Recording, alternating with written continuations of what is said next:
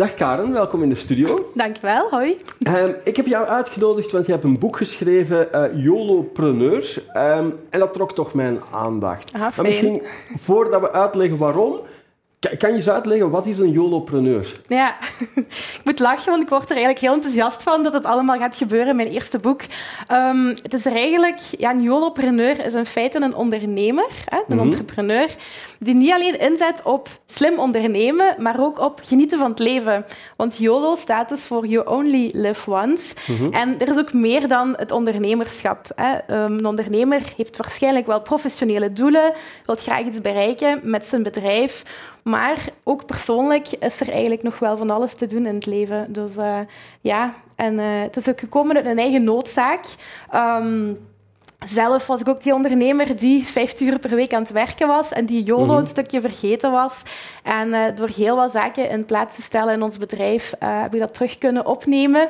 En nu wil ik ook andere ondernemers inspireren om eigenlijk hetzelfde te doen. En, en hoe heb je dat gemerkt, dat je dat stuk aan het vergeten was? Want er moet toch ergens een moment zijn gekomen dat je dacht van, oei, ja, er zijn wel verschillende um, ja, kliks geweest die ik heb gemaakt. Um, enerzijds, um, ja, je bedrijf is ook ja, je passie, je grote passie. Je verliest je daar heel snel in. Hè. Het is ook heel plezant om die business te bouwen en om daar de hele tijd mee bezig te zijn.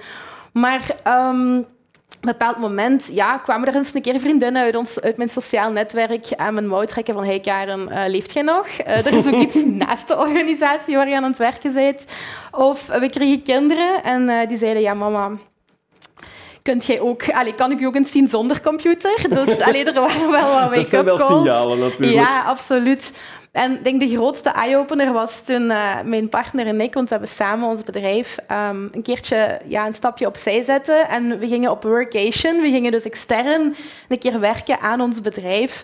Maar we waren daar aan het micromanagen, dat was niet meer normaal. Um, elke vraag die passeerde via ons. Um, we waren continu aan het mailen, chatten, bellen. We moesten continu online zijn. En toen hadden we iets van, ja kijk, uh, dit kan niet meer, dit moet wel anders. Er bestaat ook iets naast ons bedrijf. Ja. ja.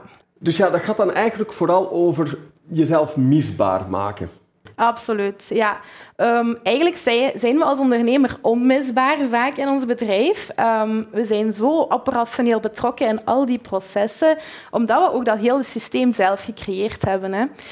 Um, maar op een bepaald moment moet je dus zelf ja, de klik maken van ik moet wat meer misbaar worden. Ze moeten mm -hmm. mij ook eens een keer kunnen missen en het bedrijf moet ook kunnen runnen zonder dat ik altijd betrokken ben. Ja, ja. ja om dan even terug te komen op de reden waarom het mijn aandacht uh, trok. de evenementensector is een sector waar heel veel creatieve, hardwerkende uh, bedrijven in zitten. Typisch ja. ook bedrijven van ja, pakweg 5 tot, tot, tot 20 mensen. Hè. Er zijn er grotere ook, hè, maar dat is zo hè, de grote middenmoot.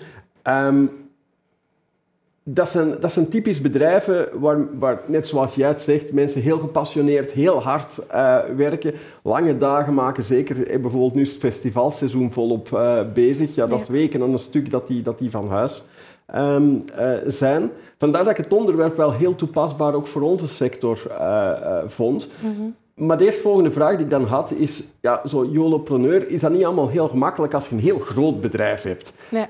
Of kan dat ook voor kleine bedrijven? Absoluut. Uh, meer nog, mijn boek is zelfs geschreven voor de kleine bedrijven, voor de KMO of de MKB-ondernemer, -hmm. die dus niet honderden mensen in dienst heeft.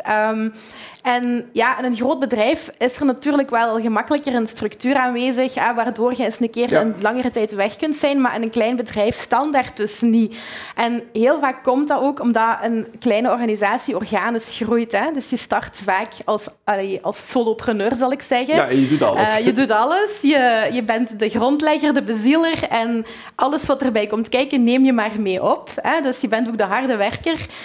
Um, een, een onderzoek van Eurostat had mijn aandacht ook getrokken Daarin wordt dan uh, verteld dat de Belgische ondernemer gemiddeld 50 uur per week werkt. Ja, was voor mij ook realiteit. Um, als mensen een team aanwerven, wordt dat al snel 55 uur gemiddeld. Ja, ik vond het allemaal heel logisch, want inderdaad, mm-hmm. je moet dan beginnen micromanagen en iedereen moet het goed doen. Ja, en op den duur ja, wordt het zo een ongeorganiseerd boeltje vaak, dat het echt wel tijd is om te zeggen, oké, okay, stapje terug, we gaan hier een keer een structuur installeren en er wat een systeem van maken van dat bedrijf, ja, zodat het groter kan worden dan uzelf. Ja, en is dat dan de belangrijkste truc om het, om het te regelen, structuur brengen, regeltjes is misschien het verkeerde woord, maar om die te implementeren? Ja, uh, deels. Um, eigenlijk is het uh, de kunst om je bedrijf dus als, als, een systeem te zien. En ik maak in mijn boek de vergelijking met een kampvuur. Uh, om iets in vuur en vlam te krijgen, zijn er drie elementen belangrijk. Je hebt de brandstof nodig, zuurstof en warmte. En ik heb dan die metafoor op de werkvloer ook gevonden. Dus welke mhm. drie elementen zijn daar belangrijk? Enerzijds de juiste mensen. Want ga je een team bouwen en dat zijn niet de juiste profielen, ja, dan gaat er daar iets mislopen. De juiste tools zijn belangrijk, die zuurstof geven en die je sneller en automatischer doen werken. Maar ook uh, goede processen. En daar wringt het schoentje in heel wat kleine organisaties. Um, kennis van processen, hoe we werken, is het heel vaak in het hoofd van de mensen.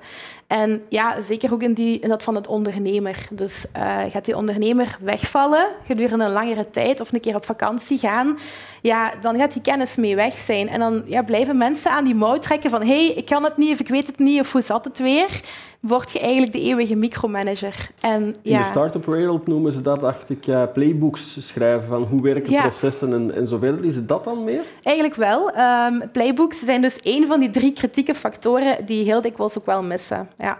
Dus uh, ondernemers hebben ook wel de neiging om uh, perfectionistisch te zijn. Dus ze willen het exact zoals zij het in gedachten hebben. Ja, wat maakt dat die continu overal nog uh, ja, aan verbonden blijven in het bedrijf. Ja. ja. Heeft dat ook niet dan een heel groot stuk te maken met ja, dingen durven afstaan, niet meer zelf willen Absoluut. Um, mindset is heel belangrijk als ondernemer. Um, en je moet eigenlijk dat perfectionisme kunnen inruilen naar zo'n 80-20-regel. Dat Pareto-principe van kijk, als 80% is zoals het bedoeld is, moet je het ook een beetje kunnen loslaten en kunnen aanvaarden dat er eens een keer iets moet rechtgezet worden. Um, meer nog, het is net dat als je durft iets aan een team toevertrouwen en ook dat vertrouwen geeft, dat je bedrijf zelfs nog beter kan worden. Hè? Want ja, niet alleen jouw visie, maar ook de visie van je team kan wel een meerwaarde hebben. Hè? Hoe trek je dan de, de, de lijn? Zit dat ook bepaald in, in, in die playbooks, bijvoorbeeld van wanneer ze wel nog tot bij jou uh, moeten komen, dat team? Ja, ja. Um, de eerste oefening die ik eigenlijk gemaakt heb, is um, een keertje een reflectie doen van wat is mijn ideale rol. Um, Stel, ik wil entrepreneur zijn, maar ik wil ook mijn, mijn leven voluit leven. Wat doe ik dan nog?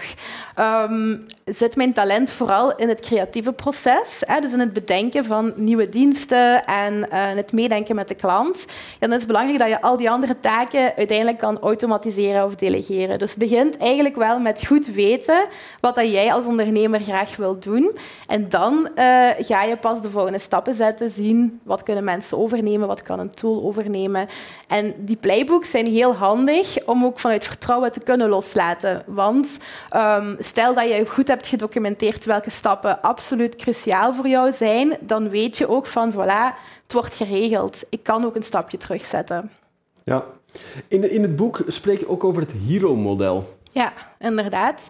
Um, hero gaat, heeft eigenlijk twee betekenissen. Het is een vier-fase model, dus elke letter staat voor een fase mhm. om eigenlijk jezelf meer misbaar te maken. Dus het is eigenlijk een stappenmodel dat je kan volgen.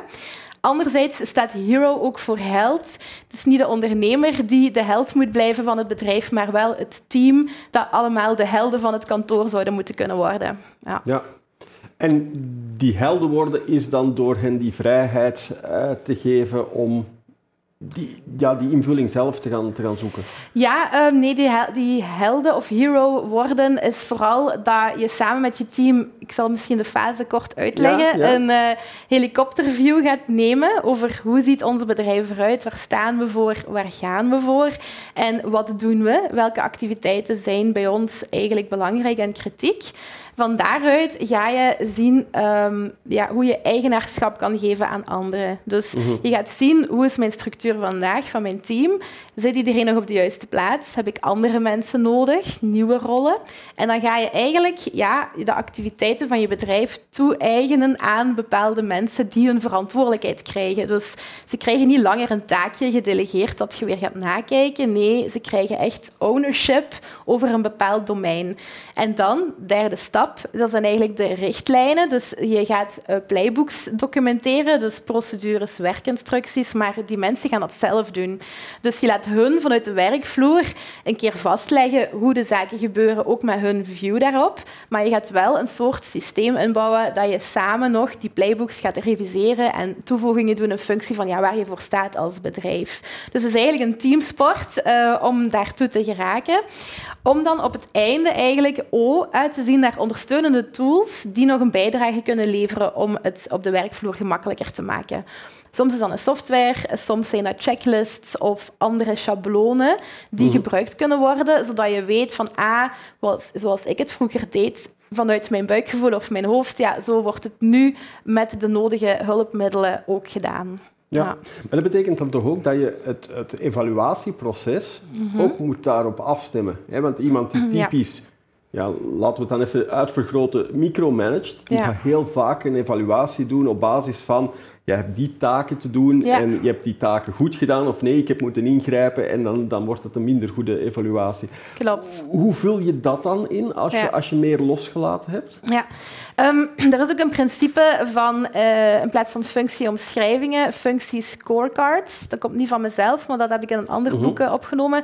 En het gaat er eigenlijk om dat je mensen hun rol gaat definiëren van die zij invullen op de werkvloer, de verantwoordelijkheden die ze hebben, de competenties die nodig zijn, maar dat je daar ook gaat aan koppelen, dan zijn dit de doelstellingen en dan is dit jouw missie in jouw rol om in ons bedrijf te vervullen. En je gaat veel meer vanuit die bril eigenlijk een evaluatie doen. Wel, ik krijg ontzettend veel zin om, uh, om het boek te lezen, want ik heb, het nog niet, ik heb het zelf nog niet kunnen vast, uh, vast hebben. Uh, in ieder geval, Karen, ontzettend bedankt voor je komst naar de studio. Met plezier. En u, beste kijker, als u interesse hebt in het boek in de boekhandel of online, dank voor het kijken en alweer tot volgende week.